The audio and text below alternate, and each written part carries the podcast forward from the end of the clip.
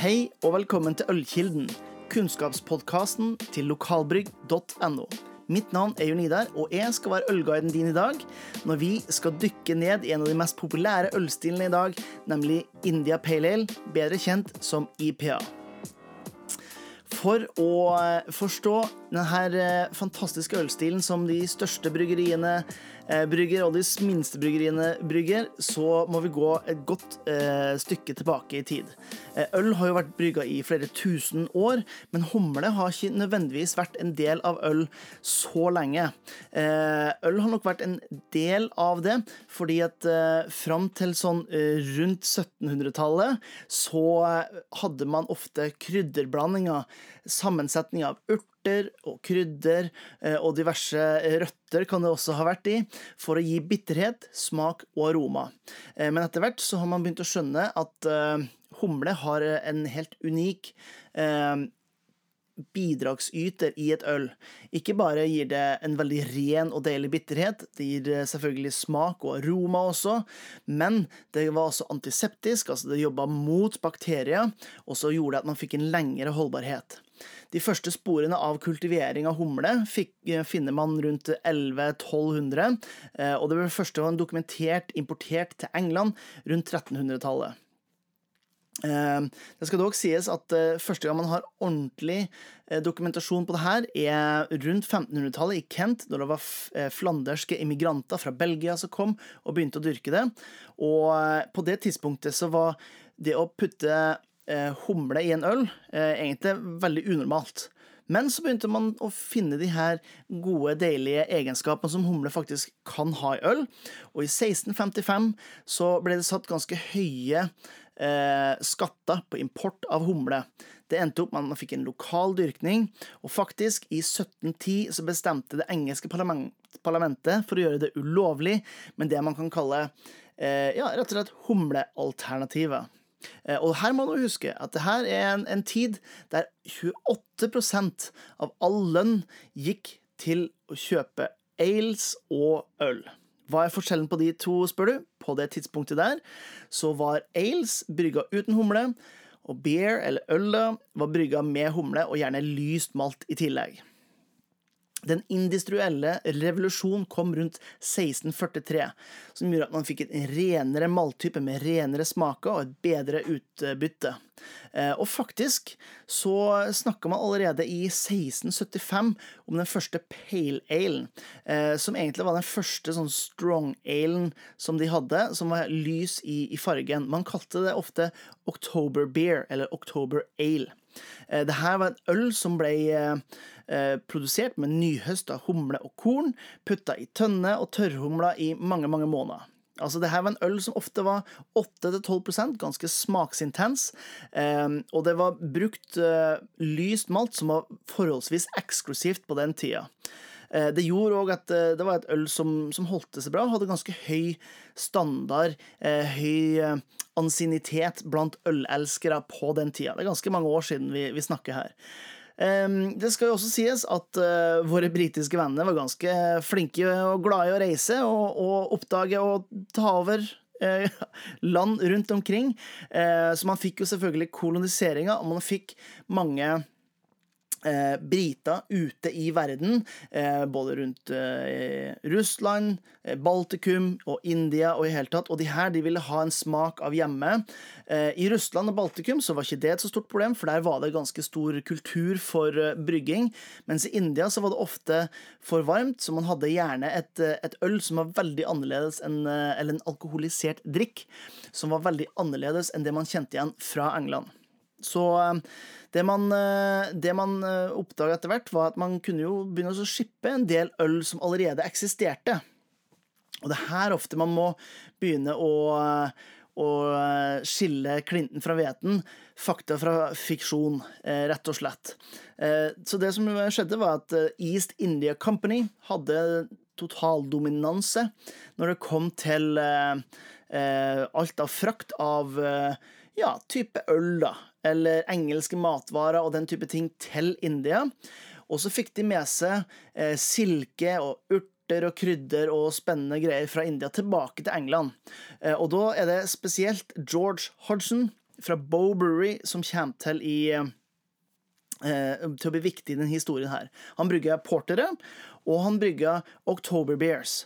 Eh, han lagde ikke en øl som var spesielt laga for å sendes til India. Det han gjorde, det var at han sendte de ølene som var mest robuste og hadde mest eh, sjanse for å overleve turen over til India. Eh, og da selvfølgelig gikk man for eh, som sagt en porter som var mørkere, kraftigere i smak, og en oktoberbeer som selv om det var laga med lyst malt, faktisk eh, kunne ta denne turen veldig godt pga. den høye alkoholen og den eh, ganske sånn tunge eh, ja, hva skal man si, da, bruken av humle. Um, faktisk så var det jo sånn at den fikk modna seg på turen over, noe den vanligvis ville gjort på lageret til George. Um, så det var rett og slett en, en øl som man, uh, man, visste kunne holde ganske lenge. Nå når vi kommer fram til til 1820 så hadde etter hvert imperiet Bow Brewery blitt noe helt annet, fordi at uh, han ble etter hvert ikke så populær blant offiserene spesielt, som hadde kjempestore løyver for å ta med seg produkter i uh, båtene som de styrte. De kunne ta flere tonn, altså titalls tonn med varer fram og tilbake, kunne gjøre gode ekstra penger, i tillegg til å jobbe i East India Company, som sikkert var godt betalt på den tida der. Så Eh, etter hvert kom det flere eh, bryggerier til som leverte mye av det samme. Litt porter, men etter hvert mer og mer av det her oktoberbeeren. Eh, og rundt 1820-årene så fikk man den første benevninga av IPA, men da faktisk eh, Pale Ale for the India Market. Som andre ord ikke India Pale Ale, men en Pale Ale som var laga Ehm, for det indiske markedet. Det var dog ikke en egen øl som var laga for det indiske markedet, det var bare en markedsføring som faktisk gjorde at man i 1835 fikk den første reklamen for India Pale Ale. Ehm, den første som, som nevnte det her, var en forfatter som heter William Molyneux, og det var i 1869. Så det var ikke noe tvil om at eh, Eh, det var ikke en oppfinnelse, det her med India Pale Ale. Det var bare en øl som passa veldig godt til å kunne fraktes over lengre distanser. Um, etter hvert eh, det skal nevnes at Bow Brewery holdt til hovedsakelig i London, som var ypperlig, for det var hovedhavna for East India Company. Men etter hvert så overtok eh, spesielt Burton on Trent, som har en veldig fordelaktig vannprofil, som gjør at man får fremheva denne krispe bitterheten i ølet, ikke noe urenheter, og man får enda mer aroma, spesielt da, ut av eh, bryggeprosessen. Og det ble etter hvert Burton on Trent såpass kjent for at uh, det ølet som begynte å bli sendt nedover eh, til India, begynte mer og mer å komme fra, fra Burton. Eh, Burton-ipaen var også kanskje hakket litt bitrere.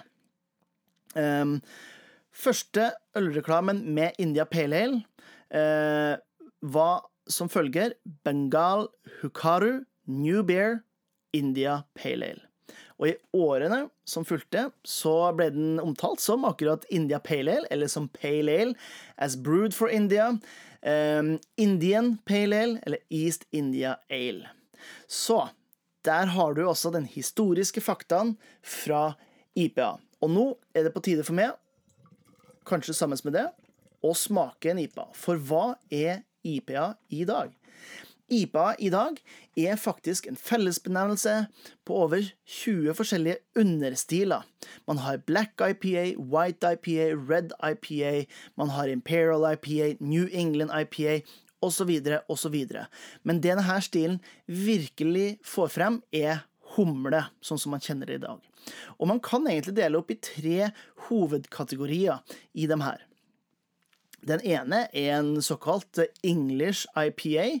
Eh, der er det mye bitterhet, selvfølgelig. Det, er mye humle i den, eh, men ofte litt lavere alkohol. som Det holder seg rundt 4-6% alkohol, ikke for bitter, og har gjerne et, et, godt maltpreg. Og det, det jeg mener med det, er at den har et humlepreg fra engelske humler, som uh, gjerne smaker litt gress, kanskje litt eh, ja, urter. Det er kanskje litt bærpreg, og så er det godt balansert med et maltpreg i form av brød, karamell osv. Uh, det her er dessverre en type stil som ikke er den mest populære, uh, og jeg sier dessverre fordi det er en fantastisk uh, ølstil til mat pga. sin balanse.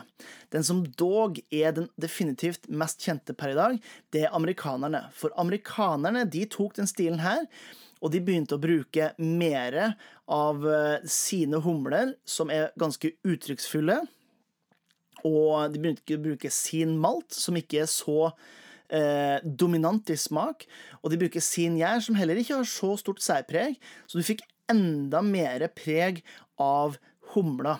Humla der er kjent for å ha et stort sitruspreg, ganske floralt, altså blomstrete i, i, preget sitt, eh, og gi en veldig fin og ren bitterhet. Så det man kjenner i dag som IPA, kanskje på det norske markedet, er veldig, veldig mye inspirert av de amerikanske IPA-ene. Og det er faktisk akkurat det jeg har i glasset. Hvis du ser denne podkasten på YouTube, så holder opp i et IPA-glass eh, en eh, leskende fin IPA den holder eh, som oftest mellom 5 eh, og 7% når den kommer eh, amerikansk. Når jeg lukter på den, så lukter det her deilige blomsterpreget som jeg snakker om. Det er ikke noe tvil om at det er noe appelsin, kanskje litt moden klementin eh, inni der også. Et lett eh, preg av nyslått gress. Det lukter rett og slett veldig ren og deilig humle. Så er det en bitte bitte lite preg av en søt, sånn brødaktig aroma i bakgrunnen. Eh, når jeg skal smake på den her, så kommer jeg til å forvente eh, at det følger mye av aromabildet. Gjerne med litt sødme helt, helt på slutten, eh, og en bitterhet som er ganske markant og klar. La oss ta en liten smak. Mm. Det er ikke noe tvil om at det her er en IPA, fordi jeg kjenner bitterheten. Den er ganske markant, spesielt ytterst på kanten av tunga. Um, det er litt sånn grønn sånn appelsinstein som jeg sitter igjen med nå på slutten, men det er en del sitrus som går gjennom hele, litt sødme. Uh, og så er det, det er lyst, det er friskt, og det er leskende. Og jeg tror en av grunnene til at denne typen ølstil har blitt såpass kjent og Eh, populær som den har blitt, er fordi at eh, den er veldig annerledes enn f.eks. en pils eller en, en lys lager som veldig, veldig mange, mange kjenner til. Eh, men den er, eh, altså, den er ikke så annerledes at man ikke kan kjenne igjen elementene. Man kjenner igjen, spesielt her i Norge, vi har en litt bitter pilsner, det er det vi er mest kjent med. Man kjenner den bitterheten igjen i en øl som det her. Eh, den er lys, så den er ikke avskrekkende i farga. Eh, og så er det noe med at humle er litt sånn forlokkende deilig i smak og aroma. Jeg tar en liten smak til. Mm. Da må jeg bare beklage til dere som uh, hører denne her i lydform. Dere får verken se mitt veldig fornøyde smil Eller um, ja, Og så får dere jo det her um, rene lyden av slurpinga mi. Så hvis dere vil, vil ha et uh, tilhørende smil til eh, podkasten her, så kan dere jo finne Lokalbrygg på YouTube. Så ser dere hele opptaket. Uh, og så, jeg nevnte vi hadde tre. Vi har hatt den engelske, vi har hatt den amerikanske, og den andre, den siste kategorien, og det vil jeg faktisk kalle de nye tolkningene. Og i den her så finner man kanskje den, altså den største trenden um, akkurat når det her blir tatt opp, som er i 2020, nemlig New England IPA, eller Juicy IPA, som også har masse, masse, masse av de her deilige humlearomaene og smakene, men veldig liten bitterhet. Og det som er litt fascinerende, det er at humle har gått for å være noe som skal balansere opp malt og gjær i en øl, til å spille den ordentlige hovedrollen nesten internasjonalt. Eh, og da har du jo New England IPA som et godt eksempel på det her. Eh, lav bitterhet, masse fruktighet, masse tropisk frukt. Eh, gjerne litt sødme, nesten en anti-IPA, tør jeg å påstå. Man har mer eksperimentelle, sånn som milkshake IPA. Det er akkurat det du tror det er. Du har black IPA, som er en motsigelse. Motstridende ting i tittelen der. Altså en black, altså en mørk India lys øl Høres jo litt rart ut, men smaker fantastisk. Man har White IPA, som er en krysning, rett og slett, mellom en hvitt, en hveteøl, og en IPA. Så du har ekstra mye deilig fruktighet. Fantastisk matøl, det også. Eh, så man, man, har en slags sånn eh, eksperimentell IPA-pakke sånn midt inni der. sånn. Og det er de tre hovedtypene, sånn som jeg ser det, i hvert fall, sånn som jeg tolker IPA. Eh, og så er det masse variasjoner inn under der. Eh, og det tenker jeg vi skal komme tilbake til i en annen episode eh, ved et senere tidspunkt, for det er masse, masse spennende å dykke ned i der. Eh, hvis du vil ha noen mattips når det kommer til IPA, så kommer det litt an på om du har en engelsk IPA, en amerikansk IPA, eller om du har en av de her eksperimentelle. Som oftest vil du nok ha dratt med deg en, en amerikansk tolkning, eller norsk tolkning av en amerikansk IPA.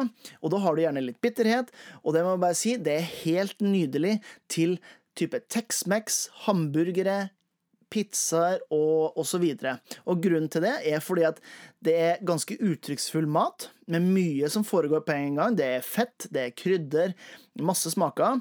Eh, og da vil en IPA kunne hamle opp med det her virvaret av smaker uten å eh, på en måte overdøve det helt.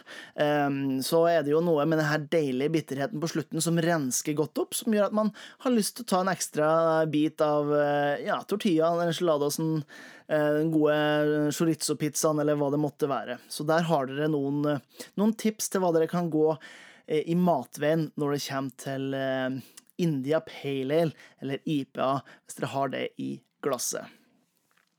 Jeg vil bare avslutte med å si tusen takk for at du så eller hørte på. Som sagt, denne eh, podkasten er jo på YouTube, men den finnes jo også i Spotify og Apple Podcast og i hele tatt, så hvis du har hatt litt nytte av det her, så hadde vi satt pris på om du gir en tommel opp eller gir en liten rating. Eh, og så kan du finne mer ølkunnskap og inspirasjon hvis du går inn på lokalbrygg.no. Der har vi en egen seksjon som heter Ølkilden, der du vil finne stilpresentasjoner, du vil finne oppskrifter, artikler, bryggeripresentasjoner og mye mer til i tiden som kommer. Og så finnes vi jo selvfølgelig på Facebook og Instagram. Og så eh, vil jeg bare si takk for eh, at du så og hørte på. Og så ser jeg frem til at vi neste gang kan dykke ned i ølkilden sammen og lære mer om øl.